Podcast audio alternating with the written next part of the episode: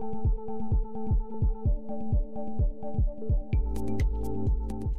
Ja baie dankie en welkom by kommentaar vanaand. Die minister van elektrisiteit Godsiyenso Ramagopa het vroeër vandag aangekondig dat eenheid 4 by die Kusile kragstasie weer eh, vandag aangesit is. Dit sal lei tot die verlaging van beerkragfases. Hy het ook gesê dat tussen September en November sal daar sowat 32000 megawatt krag tot die nasionale netwerk toegevoeg word, soos wat verskeie eenhede by Kusile weer aanlyn kom. Ramagopa sê na 2 weke van intense beerkrag is daar weer lig aan die einde van die tonnel. Kom ons hoor gou wat hy sê. So remember now, you have Unit 4 running. I did say now it's running. Uh, by the end of uh, October, you'll have Unit 1 and 3 running. So the accumulation of these uh, three units is 2,400 megawatts. The story doesn't end there. So the team that says, then there's a unit missing. I told you there's Unit 1, 2, 3 that had failed. So I must account for Unit 2. So the team had said they'll give us uh, Unit 2 by the 24th of December. This is when we visited. Mr. Ngumalo said with the team, done exceptional amount of work. They have come back to us and say, we can give you Unit 2 by the 30th of November. En ons praat ook later in die program meer hieroor. Intussen, ek weet nie of jy onthou daar by die huis van hierdie storie van die Kaapse kobra wat in 'n vliegtyg saamgevlieg het uit die Kaap en toe die vlieënier gedwing het om 'n noodlanding te maak in Welkom in die Vrystaat nie. Dis net toe hy eweslik se verskyning in die vliegtyg gemaak het nie. Die slang is daar lank gesoek daar in Welkom of op die lughawe daar in die vliegtyg twee keer bykans uitmekaar gehaal, maar geen teken van die slang is ooit gevind nie. Al sou die vlieënier toe nou opgestyg uit Welkom en Nelspruit toe gevlieg of Mbombela toe gevlieg, die slang steeds skoonvel. Nou ons het destyds met die lugvaartkenner Brian Emnes gepraat oor hierdie storie. Nou wel vanoggend het Emnes laat weet die slang is opgespoor. Kom ons hoor gou. Na 3 dae van soek is daar toe besluit dat die slang nie meer aan boord die vliegtyg is en dat dit nou veilig sou wees vir Erasmus om terug te vlieg na Nelspruit. Hy vlieg toe terug en hulle het op Nelspruit weer eens die vliegtyg uitmekaar uitgehaal en weer gesoek na hierdie Kaapse kobra. Niks is gekry nie en die slang storie het begin stil raak. Dit is nadat die storie wêreldwyd opslaag gemaak het dat hierdie Kaapse kobra aan boord 'n vliegtyg was en nie die vlieënier uh, gepik het nie. Wel, die slang is uiteindelik gekry van die werkers by die lughawe in Nelspruit het 'n slang gesien baie naby aan waar hierdie bekende Beechcraft Baron geparkeer was. Hulle het toe 'n kenner laat kom, 'n slangvanger en hy het toe die slang gevang en dit geïdentifiseer as 'n Kaapse kobra. Nou ja, so daai Kaapse Kobra toe wel deur gevlieg in Bombela toe, maar luister môre Spectrum, dis in 12 en 1 vir die jongste oor hierdie storie. My gaste vanaand in uh, kommentaar is, ons het vir professor Andrei Dievenage, hy's 'n politieke ontleder aan die Noordwes Universiteit se Sakeskool, maar hulle het pas 'n uh, beerkrag begin ervaar, so ons wil net gou-gou weer terugkry op die lyn. Dan die historikus Dr. Lindie Koorts van die Vryheid Universiteit, sy's hier by my in die ateljee. Goeienaand Lindie. Goeienaand Susan. Sit my lekker naby aan daai mikrofoon en dan 'n navorsingsgenoot van die Departement Openbare Administrasie en Bestuur aan die Universiteit van die Vrystaat Dr. Harlan Kloete. Goeienaand Harlan. Goeienaand Susan en goeienaand aan al die luisteraars en die mede-aanbieders. My klankregisseur is Laal Pieterse en ek is Susan Paxton.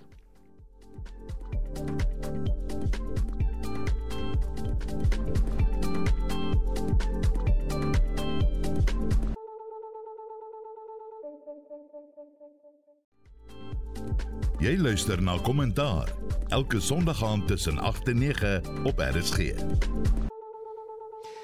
En jy is ingeskakel en jy luister na kommentaar en soos ek gesê het, my gaste vanaand professor Andrei Dievenage, hy's 'n politieke ontleder aan die Noordwes Universiteit se Sakeskool. Hy's nou op die lyn. Goeienaand Andrei.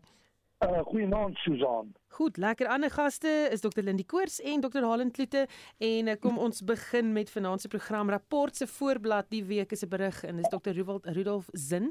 Hy's 'n kriminoloogse navorsing wat hy gedoen het oor plaasaanvalle en hoekom dit gebeur. En die navorsing toon dat plaasaanvalle goed beplan deur gesofistikeerde misdadigers uitgevoer word en dit word gemotiveer eerder deur geld as politiek. En die navorsing toon ook glo dat die geweld wat gebruik word is om slagoffers te intimideer om te sê, jy weet, waar's die geld of wat ook al hulle soek. Andre, wat maak jy van hierdie navorsing?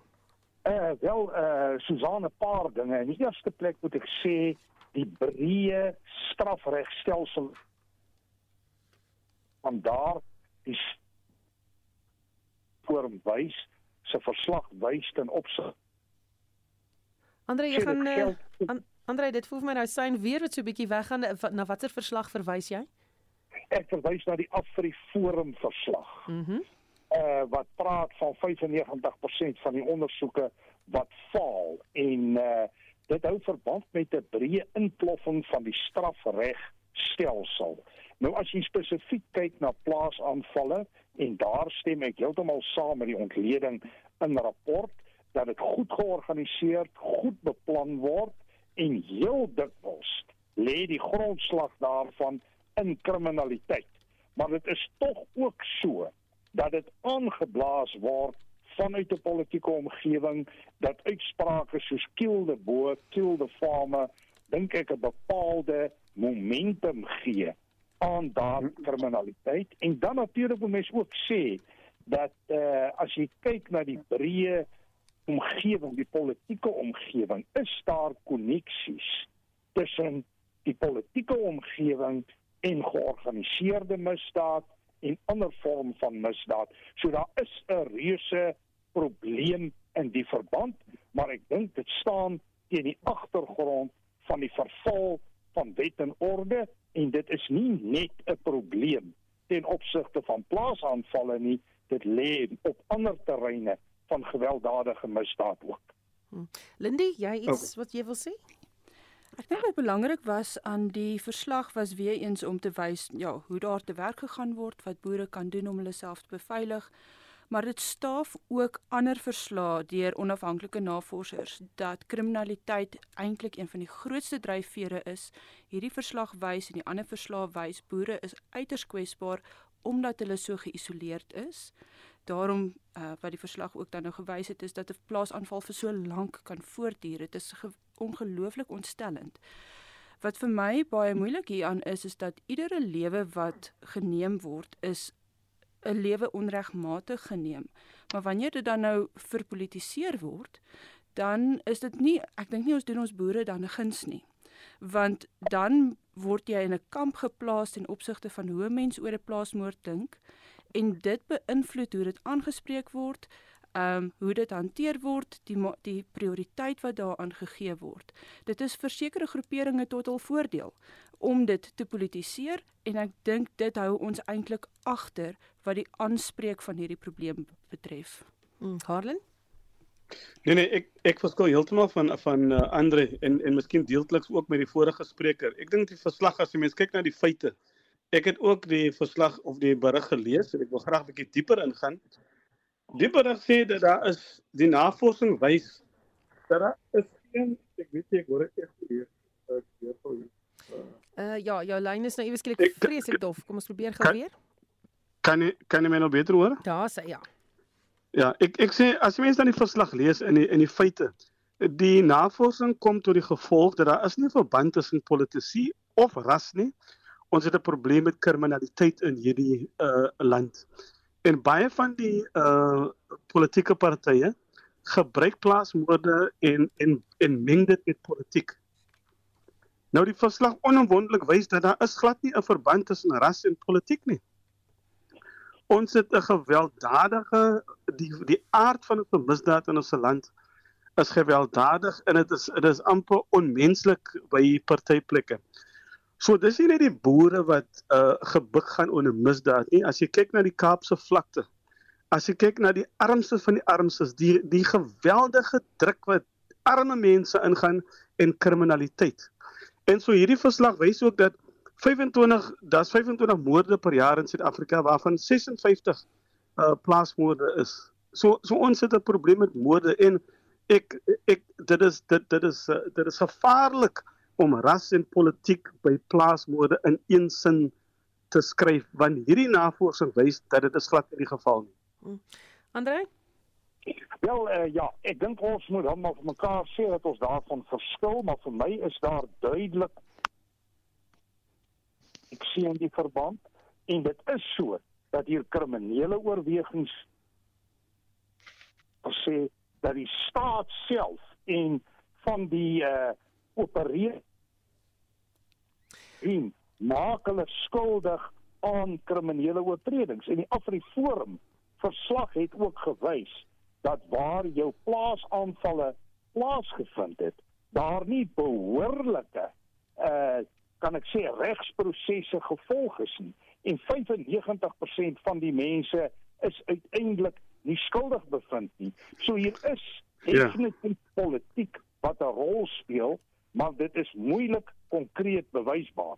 Wat wel Ja. so is na my oordeel, is dat die politieke motief nie die enigste motief is nie en Harlan is reg, dit vind plaas in 'n omgewing van breë misdaad. Maar misdaad is 'n vorm van die gesaghebende toewysing van waardes as jy nou 'n definisie van politiek soek en dit raak dus jou breë politieke terrein. En wat ook in die verslag bevind is, byvoorbeeld ons het dit nou weer onlangs gesien, sedert die uitspraak van Julius Malema van Kill the Boer, Kill the Farmer wat gesing is op ek dink die 10de verjaarsdag van die EFF Hmm. het 'n vlaag plaasmoorde die land getref.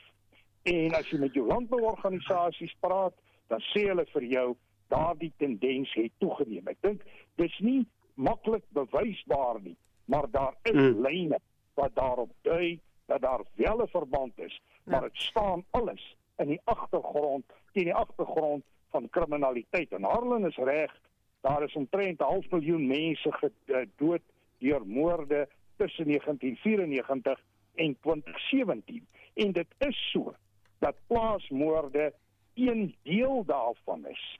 Wat wel so Hmm. is, is dat plaasmoorde uh baie gewelddadig is en dat uh die die die mense by hoë uitsondering nie gemartel word nie en dit was is gevind dat daar ook nie groot diefstal plaasgevind het nie maar dat mense Hmm. bloot vermoor is. So die saak dink ek is meer kompleks as om net te sê dit kan krimineel verstaan word.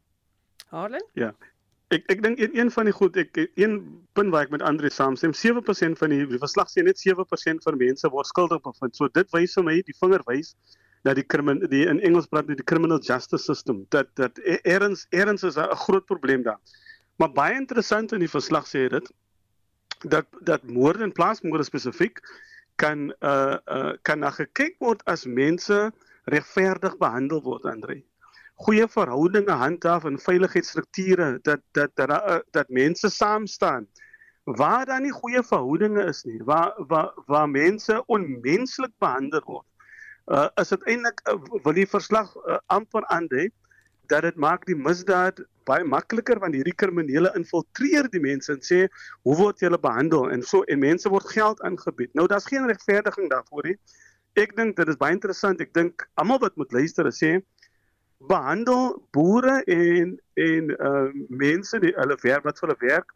Hierdie mense moet reg behandel word. Daar moet goeie verhoudinge wees Suid-Afrikaner tot Suid-Afrikaner. Ons kan nie net Vrydag uh bok boktreë aantrek en sê ons is nou bokvrydag en almal agter die springbokke. En as die wedstryd klaar dan oh, dan behandel ons nog mekaar steeds in hierdie land op 'n onmenslike manier of op 'n onregverdige manier. En dit sê die verslag is 'n bydraende faktor tot misdaad opplase. En en so ek dink ons almal moet intro, introspeksie gaan neem. Die landbouorganisasies, die boere en die werkers, jy weet, dat hoe ons almal saam in hierdie land, ons het 'n gedeelde erfenis. Hoe bou ons en hou ons mekaar almal veilig? In hierdie buurt wat ek uh, bly in, het ons 'n baie aktiewe uh uh WhatsApp groep, 'n misdaad WhatsApp groep en en dit sluit mense van van verskillende kulture in maar daar's 'n gemeene uh, vyand hier. Kom ons hou die kriminele uit ons area uit. Uh maar maar maar maar dat die verslag dit so pertinent doen die regverdige behandeling van mense die goeie verhoudinge is stof tot nadenke Lindy, laaste gedagte van jou hieroor. Ek dink die groot net vanuit 'n historiese perspektief gaan ons moet daaraan dink dat ons 'n baie lang geskiedenis van gewelddadigheid in hierdie land het.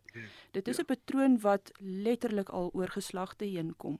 Ehm um, ja. daarmee wil ek nie sê ons gaan vir ewig daarmee vassit nie, maar ongelukkig is dit ons erfdeel. En solank as wat ons hierdie geweldige vlakke van ongelykheid in ons land het, gaan ons hiermee te kampe hê. Want dieselfde geld vir 'n uh, motorkaping of 'n ehm um, weet 'n uh, gewelddadige uh, rooftog op die Kaapse vlakte ook. Ons so het hier totaal met samelewingsstrukture te maak en as dit nie ja. aangespreek word nie gaan hierdie steeds ons lot bly. Ehm um, so dit is werklik voel ek op 'n strukturele vlak waar ons oplossings lê. Ek stem ten volle saam ehm um, met Halen oor hoe mense behandel word oor gemeenskap en gemeenskapheid. Uh, maar ek moet sê selfs dit is baie moeilik om uh weerbaar te wees uh, of weet weer um, weerstand te bied teen die geweldige vlakke van ja ongelykheid in hierdie land. Hm. Goed, uh, onthou jy kan saampraat daar van die huis af of waar ook al jy sit en saam luister, stuur 'n SMS na 45889. Onthou SMS se kos R1.50. Kom ons kyk na die volgende tema van die dag. Die regering se beursie is leeg en die week het die president met arbeid gepraat om hulle te oortuig dat daar nie geld vir verhogings is nie. Maar rapport berig ook vandag dat daar druk van vakbonde af is uh, op tesorie. Dit is nou om hulle plan om kostebesnoeiings te implementeer in regeringsdepartemente en dit sal waarskynlik wees om byvoorbeeld uh, mense af te dank. Mense gaan werk verloor. Alhoewel van die maatreëls was dan nou om hierdie werksmag te verminder, vakbonde is heel gekant daarteen, maar daar is nie geld nie. Wat nou? Ja. Jy weet Trevor Mann het altyd gesê government cannot spend what government doesn't have. En uh, ons het die laaste dekade bietjie roekelose spandering uh, gesien. Uh ek verstaan heeltemal waar die vakbonde vandaan kom, want jy weet jy as 'n persoon se werk verloor, is dit amper 'n gesin verloor inkomste en so voort. So die regering dink ek is in 'n is between a rock and a hard place. You know wat wat doen ek? Gaan ek meer geld leen uh en dan hoë rente om terug te betaal? Uh want van Suid-Afrika het een van die grootste die vorige spreker het nou gesê Suid-Afrika het van die grootste werkloosheidssyfers in die wêreld of die die ongelykhede. En so uh regering is 'n baie moeilike uh uh situasie. Natuurlik korrupsie en onbevoegdheid uh help dit nie eintlik aan nie. Uh, ons het ook gepraat voorheen van die 7% mense wat krimineel vervolg word daarvoor. So uh ek ek ek ek is heeltemal seker of ek die antwoord het nie, maar ek dink een van die groot antwoorde is dat ons moet beter regeer. You know, ons het 'n uh uh in Engels praat 'n governance problem. Ons het 'n effektiwiteits uh, probleem dat mense wat vir die staat werk, het navorsing ook bewys baie keer werk ook nie en so ons het baie lae vlakke van produktiwiteit. En so uh jy jy, jy wil 'n situasie wat jy nog mense moet verarm en, en so die regering het, het het twee keuses dink ek. Een ons moet die vermoë van die staat uh uh increase om om om meer effektief te kan bestuur om meer effektief te wees om die hulpbronne om die beperkte hulpbronne wat hy het om dit beter aan te wend en dat daar minder vermorsing is Uh, want want ek ek ek, ek is nie seker of of heelskaalse afdanking die probleem is nie. So ons het 'n uh, uh ons praat van 2030 van 'n 'n bevoegde staat. In Engels praat hulle van 'n capable state. Nou so die so die lomstromp. Ons kan in alle vlakke van staatsdepartemente nou gaan. Dan sal jy sien daar's 'n baie baie groot vlak van waste. Daar's 'n baie groot vlak van onproduktiwiteit. Daar's 'n baie groot vlak van briljante planne wat net nie tot uitvoering kan kom nie. En so dis nie ek dink dit is dis een antwoord hier, dis so 'n mengelmoes van van uh van probleme wat die staat in maar ons het 'n gebrek aan leierskap. As ons die leierskap en die governance kan uitsorteer in ons strukture, dan gaan dit al klaar help om met die beperkte hulpbronne beter te kan spandeer. Hmm. Nog maatreëls uh, is moontlik is dat die regeringsdepartemente of sekere regeringsdepartemente gesluit moet word so sportkuns en hmm. kultuur. Hmm. Kan die regering kleiner kom? Is dit waar besnoei moet word Lindie?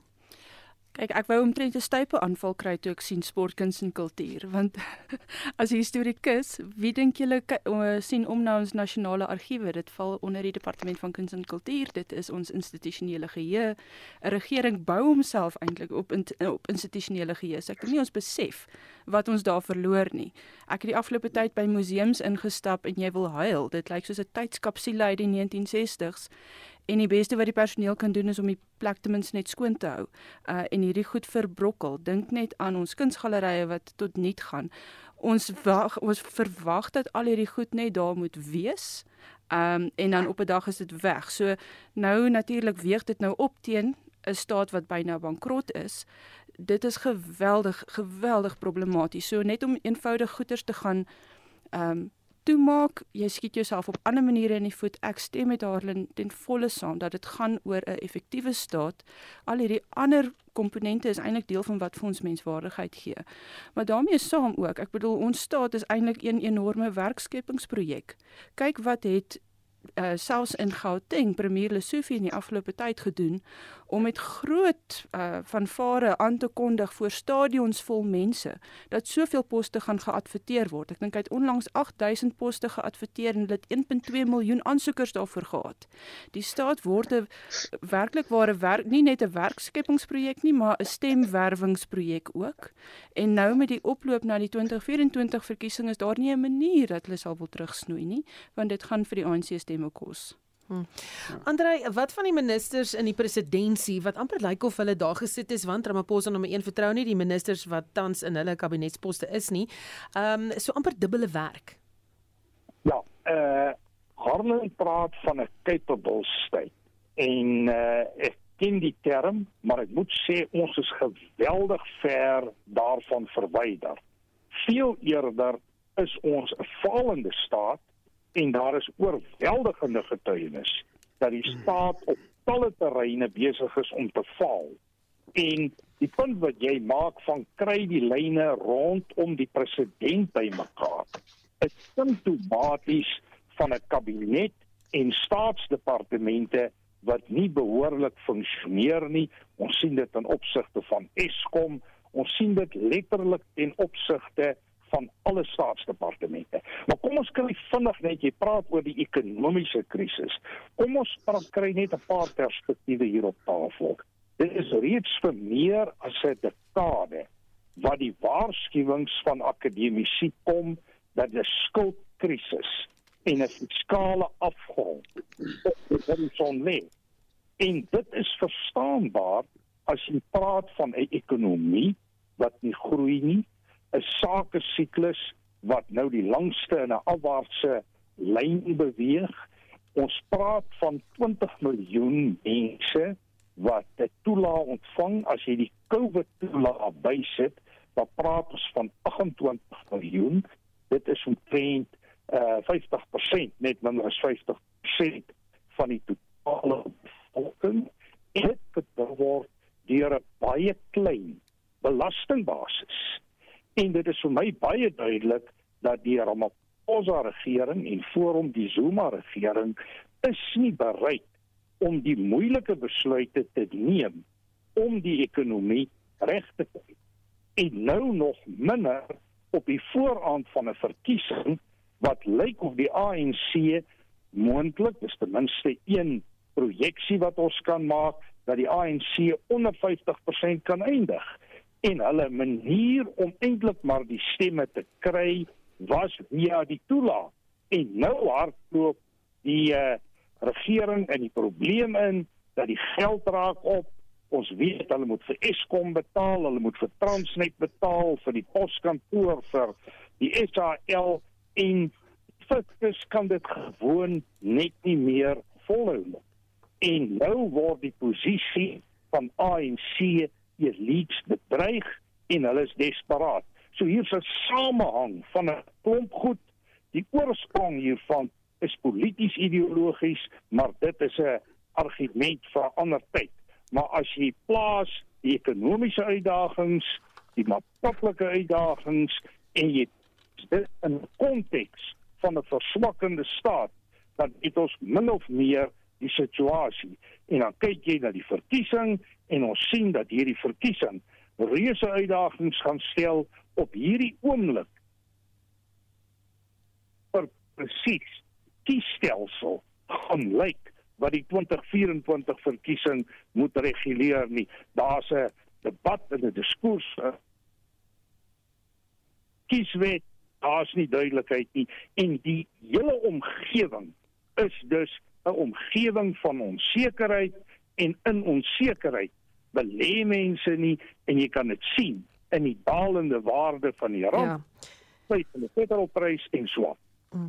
Nou, as vrom verskoning vir daardie lyn, dis natuurlik beerdkrag wat veroorsaak dat die lyn so kom en gaan. So ons gaan dit so lank as moontlik probeer uithou en dan dalk miskien terugbel as dit te sleg raak, maar dit is nou maar wat daar gebeur.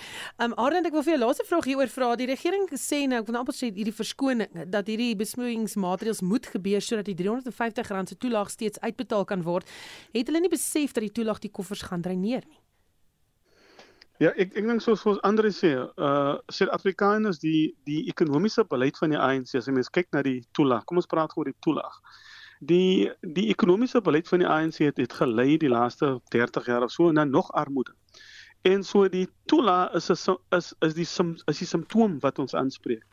En so nou maak jy mense afhanklik van hierdie toelaag. On, ons het uh, ek dink ons het verkeerde ekonomiese beleidsraamwerk daar dat ons maak mense afhanklik van die staat in steede van 'n klimaat te skep waar mense ekonomies kan groei en dit moontlik kan maak. Kom ek gee jou een voorbeeld. Ons het in al die munisipaliteite in hierdie land uh uh, lo uh local economic development departemente uh om plaaslike ekonomiese maar mense sien so min ekonomiese groei.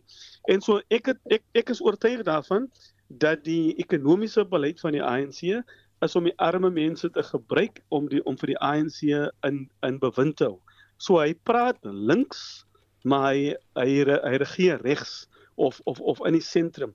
Dit is 'n elites party wat die arme mense gebruik uh sodat die ANC in beheer kan bly. En en en dit is regtig jammer. Daar's geen groter monument vir die faal ekonomiese beleid as as die Wêreldbank se verslag van verlede jaar wat sê dat Suid-Afrika is die ongelykste land in die hele wêreld nie. En so die die toelaas word gebruik om mense afhanklik te maak in steede van mense onafhanklik te maak om entrepreneurskap aan te win. En en en dit is wat ons moet oor praat. Hoe hoe deel ons die welvaart in die land byvoorbeeld? Hoe hoe skep ons regering se werk is, is om 'n klimaat te skep vir ekonomiese groei om die ongelykhede in die samelewing aan te spreek om klein en groot besigheid met mekaar te kan praat. So so ek is oortuig daarvan dat die dat die ANC se ekonomiese beleid maak mense nog armer en dit is dit het professor Sampieter Blansal 10 jaar gelede gesê in sy boek Verdeelde Land. Uh, uh dat dat dat ons faal deur ons beleidsaspekte. Hmm. Lindy? Ja, ek stem grootendeels met Darlin saam, maar ek dink wel vir mense versigtig moet wees. Weereens as ons moet kyk vanuit 'n langtermynperspektief hoe ver hierdie strukturele ongelykheid al kom, moet ons kan sê ons moet versigtig wees om nie die vinger te wys na die armes self nie.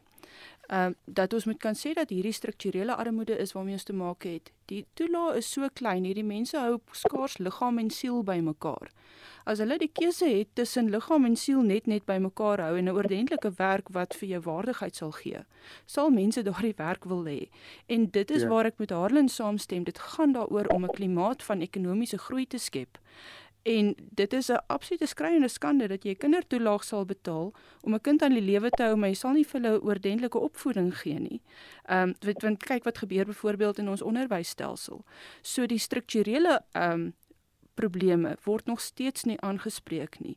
En dan ja. sit 'n mens met mense in 'n siklus van van van afhanklikheid wat ook menswaardigheid geweldig aantas en dit moet wel voor die deur van die regering gelê word. Hm. Net hierna dan praat ons verder oor die nuus van die dag. Jy luister na kommentaar elke Sondag aand tussen 8 en 9 op RSG. Ja, my gaste vanaand professor Andrei Dievenage, Dr. Lindie Koors en Dr. Halen Kloete. Kom ons praat oor die kragkrisis. Die afgelope week dreig fase 7 en selfs 8 sê sommiges wens jy hoeveelheid eenhede wat nie werk nie. Almal word gevra om dringend krag te bespaar. Eskom self het gesê dat die vooruitsigte vir kragstabiliteit al swakker word. Die minister van elektrisiteit, egter Spoetla Ramakgopa, hou vol dat uh, hierdie praatjies is nonsens.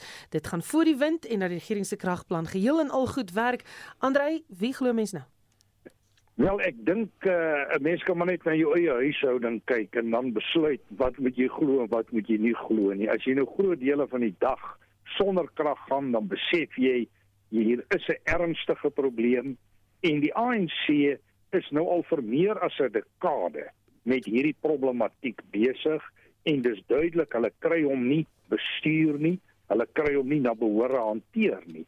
En wat eintlik nou maar gebeur op die oomblik is dat in die onvermoë van die staat om krag te lewer, krag beskikbaar te stel, kry jy dat privaat inisiatiewe tot stand kom. En oral waar ek kom sien ek mense wat solars verkoop en uh, die tipe van ding. So die die mark skop letterlik in om 'n falende staat te keer. En ek dink dit is die patroon. En ek sien ook nie maklike en vinnige oplossings vir ons kragprobleem nie die die skuld is geweldig groot binne Eskom die vaardighede om hierdie uh, hele elektrisiteit te hanteer is is gewoon nie binne die instelling beskikbaar nie. Die instelling sit met uh waarskynlik twee keer die die uh, mannekrag of die hulpbron menslike hulpbronkrag uh wat hy eintlik behoort te hê, so hy's nie bekostigbaar nie en die politici is nie bereid om die besluite te neem nie. En dis interessant en hier kan mens nou maar weer die De Ruyter verhaal gaan haal. De Ruyter het werklik probeer om die Eskom problematiek aan te spreek en ons weet watter weg het hy gevolg en dit was baie interessant dat hierdie week het die spesiale ondersoekeenheid dan ook aangekondig dat hulle die privaat ondersoek wat Andre de Ruyter geloods het ten opsigte van kriminele netwerke wat funksioneer funksioneer het binne Eskom en waarskynlik steeds funksioneer dat hulle hom gaan ondersoek oor hy die ondersoek gedoen het ten spyte van die feit dat hy die saak by verskeie geleenthede by senior polisiebeamptes en amptenare voorgelê het. So hier is 'n problematiek, hier's ongetwyfeld politieke beïnvloeding en uh, ek dink dit word ook op 'n manier as 'n politieke speelbal gebruik. Maar wat elektrisiteit betref, dink ek sit ons voor 'n reuse uitdaging en ek dink die enigste antwoord sal maar wees om die mark, die private sektor en die korporatiewe sektor sterker betrokke te kry. Ons kan kyk na forme van 'n ontwikkelingsstaatsgerigtheid om hierdie inisiatiewe vorentoe te neem, maar ek sien nie 'n korttermyn antwoord vir hierdie probleem. En die wat se gevaar daaraan as die regering aanhou sê niks is fout nie, maar alles gaan voor die wind. Nou kyk ek wonder wanneer laas het ons 'n politikus geglo wanneer hulle met ons praat. Ehm um, so dit is net standaard praktyk vir die regering. Daar's nooit 'n kabinetskrisis nie, daar's nooit 'n geldkrisis nie, daar's nooit onenigheid nie. Daar's nie werklik fout nie. Ek bedoel hulle ons ons is dit al gewoond wat hierdie regering betref. Ehm uh, wat vir my interessant was was vandag ook in rapport uh, dat daar verslag gedoen word hoe uh, ons minister van elektrisiteit vir ons vertel van hierdie eenhede wat een van die dae op op lyn gaan kom. En tog is die stelseloperateur nie besig om dit in ag te neem met hulle vooruitskattinge nie. So tot watter mate moet ons dit glo? Wat vir my ook werklik bekommer is om te sien hoeveel fokus daar is om hierdie steenkoolkragstasies aan die gang te kry. En daar wil ek wel ook weer teruggaan na Andre de Ruyter toe en in sy boek waar hy dit so duidelik stel, hierdie goed het 'n beperkte lewensduur. Ons kan hulle nie vir ewig aan die gang hou nie. Ons gaan moet ons energieaanbod uitbrei. En ons sien nie dat daar op hierdie stadium of in hierdie stadium werklik in daardie infrastruktuur van Eskom se kant af of die regering se kant af belê word nie want hulle probeer letterlik net die ligte aanhou en dit hou ons in 'n siklus vasgevang. Ek bedoel om self sonpanele op te sit dis 'n baie klein groepie mense in ons ekonomie wat dit werklik kan bekostig. Dit is 'n oplossing vir die die met hulpbronne. Ehm um, die groter ekonomie gaan nog steeds vashak uh, solank as wat ons nie iets kan doen aan ons infrastruktuur nie. Hmm. Arlen, en wat van die publiek? Niemand sê amper meer iets oor die beerkrag nie. Ek gou nou net daar in kom en sê, weet jy, ek dink die regering besef die geweldige impak van uh van beerkrag nie. Uh, twee voorbeelde. Uh in die uh, die predikant by ons kerk, uh ons het nou die dag 4 ure beerkrag gehad. Hulle breek in by die pastorie, steel die laptop en die selfoon uh af van die stelsel af. So met ander woorde, die kriminele element uh in beerkrag is is geweldig by party wonings in die area waar waar ons woon kom die kriminele as die, as dit load shedding is dan kom hulle bloot in die huis en kom en kom vat net goed. En so die die die geweldige impak van beerdkrag. Die middelklas kan sonpanele opsit. Die middelklas kan inverters opset of of gaan geld leen om dit te doen. Die arme mense is net blootgestel aan hierdie aan hierdie beerdkrag en dit het 'n daar's 'n verbintenis nou tussen misdaad, uh ryp en kriminele elemente en beerdkrag. Die kriminele beplan nou al rondom beerdkrag. Maar wat 'n mens nie hoor van die regering so, soos die vorige spreker gesê het, ek weet nie meer wie om te glo. Uh of of hulle of hulle bou jou hoop op ons gaan die probleem oplos. En dan skielik op 'n middag hoor jy ons is op by beerdkrag uh fase 6. En die 4 ure maak 'n mens letterlik mal. Maar ek het die ander dag met Elwie Lester uh wat in die Weskaap se adviseur is in energie wat voormalige hoof van Eskom. Ons het so 'n uh, uur gesprek gehad. En weet jy wat hy sê wat wat wat baie sin maak is die strukturele probleme van Eskom gaan nie oor die volgende 6 maande opgelos word nie. Maar wat die mense nie hoor nie is publieke opvoeding oor hoe om krag te bespaar.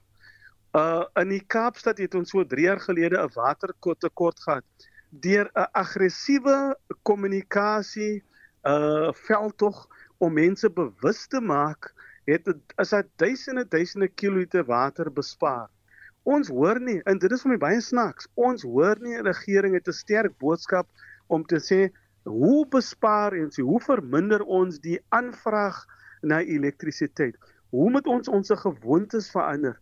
Want as ons nie ons gewoontes verander nie, dan gaan ons nog langer hierin bly. So ek dink daar is ook 'n element waar daar sekere mense uh baat vind, net soos die kriminele baat vind dat hierdie beerdkrag en hierdie onsekerheid aangaan want want dan kan ek meer van hierdie generators verkoop byvoorbeeld. Ek ek moet nog nie 'n uh, 'n conspiracy theorist wees nie, maar dit is vir my regtig snaaks dat die regering so 'n swak kommunikasie uh veldtog het om mense aan te moedig om hulle gedrag en hulle gewoontes uh, rondom energie aan te spreek. Ek dink as dit gebeur, sal uh, as as as as Suid-Afrikaners saam staan, net soos ons die waterkrisis in die Kaap opgelos het 'n paar jaar gelede, dink ek as ons die die uh demand vir uh, elektrisiteit as ons dit aanspreek en ons se gewoontes gedrag verander, uh is dit een, maar die probleme van Eskom uh glo ek amper nie meer nie, want want dit is soos iemand hoop gee en dan dit weer wegvat van jou af en dan die uh, in Engels sê hulle the goalpost keeps on changing. I mean, weet nie wat om te glo nie. Die die regering het die energieplan, die implementering gewoonlik en dis maar die gebrek aan die regering implementering bly die probleem. Lindy Ek dink daar's 'n verskil hier tussen elektrisiteit bespaar en water bespaar want weet wanneer die reën wegbly is dit nie die regering se skuld nie. Wanneer ja, Eskom in ja. duie stort is dit. So jy het mense se inkoop nodig uh om hierdie besparings te maak en ek moet sê ek onthou nog al die jare dat daar veldtogte was van moenie jou ketel vol maak as jy water kook nie kook net soveel as wat jy nodig het.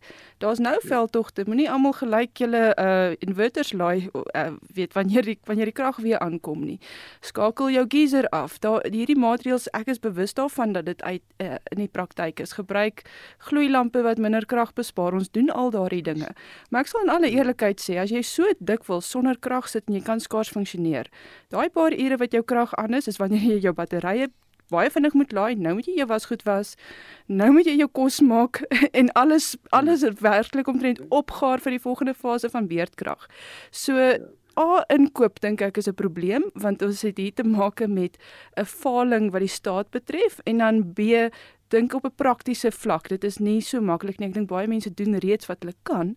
Ehm um, maar wanneer jy so ontneem word van elektrisiteit dan is dit omtrent asof jou ure met krag die ure is wat jy krag gebruik soveel as wat jy kan.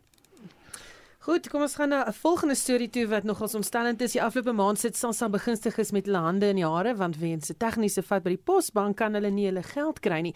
Rapport berig dat die geld terug is na na tesorie toe uiteindelik en daar is mense wat absoluut afhanklik is van hierdie toelaaghaling.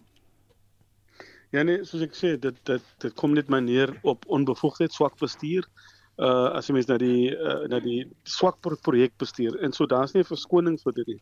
Uh, ek dink dis hoe ek sê die die gaping tussen gewone mense en die regering is so groot e, e, e, is dat is dat regering en amptenare partyke woon in hulle eie uh, uh kokon 'n uh, paar jaar gelede het die uh, toe Pravin Gordhan nog by die munisipale uh, uh, minister was van uh, regeer uh, plaaslike regering het ek die eerste keer die woord gehoor social distance en so wat politici doen en wat hulle uh, sê en doen die gaping is so groot. So uh dit kom neer na onbevoegdheid. Ons het nou gepraat oor beerkrag. Baie van hierdie ministeriële uh wonings het hou aan krag het en so uh die 350 mag baie min klink 500 mag maar, maar baie min klink maar mense is afhanklik daarvan. Ek het vandag in die Sunday Times gelees oor hoe mense sê hoe in 'n praktiese uh, huise dat mense het nie kos in die huise nie. En so uh onbevoegdheid. Onbevoegdheid is regtig fataal.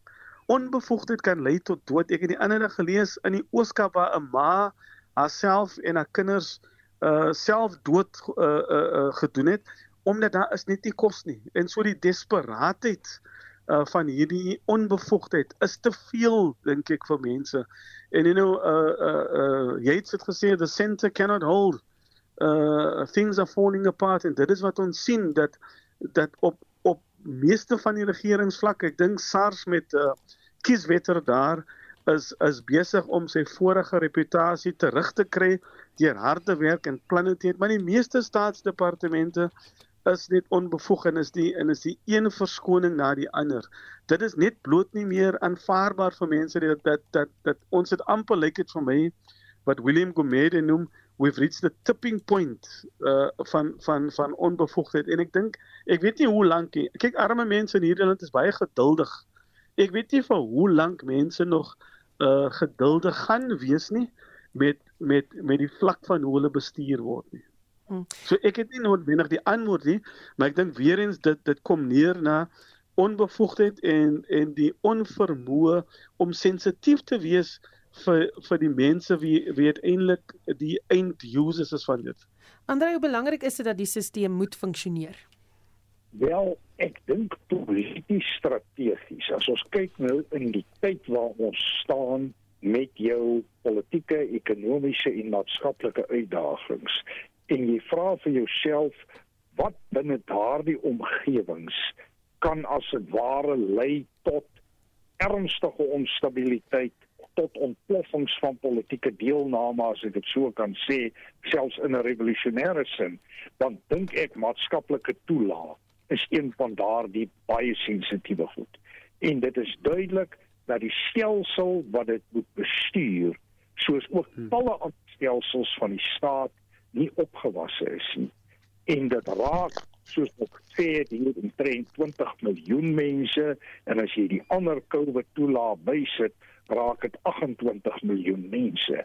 Nou is hier 'n paar probleme. Die hele kwessie van sosiale of maatskaplike toelaat is problematies want uh, ek dink nie dit is die regte manier om 'n ekonomie te laat groei om werk te skep nie maar dan sit jy ook met die toepassingsproblematiek van 'n stelsel wat disfunksioneel is en weer eens ontstaan aan die vooraand van 'n verkiesing. Ons het die kultuur by die ANC gekry van patronaatskap. Hulle koop eintlik stemme oor deur middel van maatskaplike toelaag, maar nou begin hulle stelsels hulle in die steek te laat en ek dink ons moenie miskyk vlakke van ontevredenheid in die samelewing nie en die potensiaal vir onstabiliteit nie.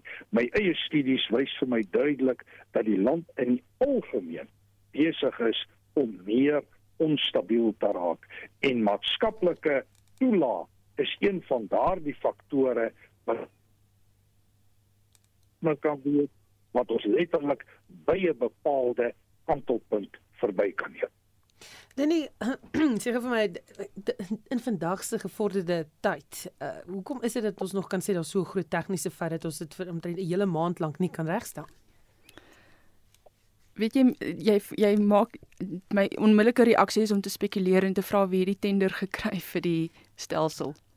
Uh dit is onmiddellik hoe 'n mens dink ongelukkig en uh, hoe dit deesdae gaan want ja die tegnologie bestaan tog. Die tegnologie het van tevore gewerk. Waarom het dit nie nou gewerk nie?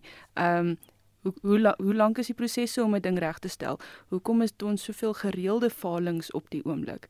Hier is geldige vrae wat gestel moet word. Soos ek sê, ek kan net spekulatief daarop reageer, maar ek dink dit is vrae wat gestel moet word. Hmm. Goed, kom ons gesels 'n bietjie oor julle verwys heeltyd na die uh, verkiesing wat aan die aankom is en uh, daar was interessante verwikkelinge die afgelope week in terme van die DA wat sy um, premierskandidaat vir Gauteng aangekondig het, Solly Msimanga. Daily Maverick berig vandag dat die ANC waarskynlik steeds se Panjasa Lesufi as premierskandidaat sal hê en Wesen Dlozi die FF se premierskandidaat um, gaan wees. So interessante verwikkelinge. Andre, miskien kan jy vir ons begin. Wat dink jy van die kandidaate? Kom, kom kom ons gaan net vinnig terug van die 2019 verkiesing en die uitslag daar. En daar het die ANC, ek dink hulle na nasionale gemiddeld was 57,5%, maar in Gauteng het hulle steun 50,19% bedra. Die DA se was 27,45%. En op die oomblik is die ANC met reg bekommerd dat hulle nie 'n volstrekte meerderheid in Gauteng gaan kry nie. Ons sien op die oomblik ook dat op plaaslike vlak die uh, samewerking tussen die ANC en die EFF besig is om uitmekaar te val en daar gebeur 'n interessante ding dat die ANC begin uit te reik na die DA. Maar spesifiek ten opsigte van jou vraag, ek het dit ook so dat Solomon Semanga, die kandidaat van die DA, Mbuseni Ndlozi, EFF en Panyasa Lesufi uh van die ANC. En ek dink op hierdie stadium en, en dan natuurlik is die vraag as die kiesstelsel gaan oopmaak vir individue soos eintlik deur die grondwet hof bepaal is en toe wel vervat is in die wet wat nou weer oor die hof dien, maar kom ons sê hulle kry toelating, dan kan daar ook ander kandidaate van invloed toetree. Maar die kort en die lank is, ek dink dit is onwaarskynlik dat die ANC 'n volstrekte meerderheid in Gauteng gaan kry. Ek dink die twee provinsies wat die mees problematiese is vir die ANC is Gauteng en KwaZulu-Natal en daar is daar mense wat praat van die Vrystaat, maar ek sal maar eers net bly by die eerste twee. En ek dink die ANC besef dat hulle in alliansie met ander partye sal moet regeer en die EFF is problematies hoewel Panjasa Lesofie nogal 'n uh, persoonlik 'n redelike goeie verhouding met die EFF het. So hier's 'n klomp dinamieke wat gaan uitspeel wat my weer terugbring by die punt dat die 2024 verkiesing 'n baie belangrike en 'n baie bepalende verkiesing vir Suid-Afrika gaan wees. Lindy het vroeër daarna verwys van Jasile Sufi was die afgelope week in die nuus oor sy veiligheidsbeamptes of sogenaamde crime wardens. Die klomp is nie behoorlik opgelei nie. Dink jy dit gaan hom inhaal in die verkiesing? Ek dink nie dit gaan teen hom tel nie. Ehm um, weet daar is so jy weet korrupsie skandale en ander skandale tel nie om jou as jy baie mooi ingebed is in die bestaande magsnetwerke nie. En Panyaza Lesufi is 'n geweldige geslaagde populistiese politikus in Gauteng.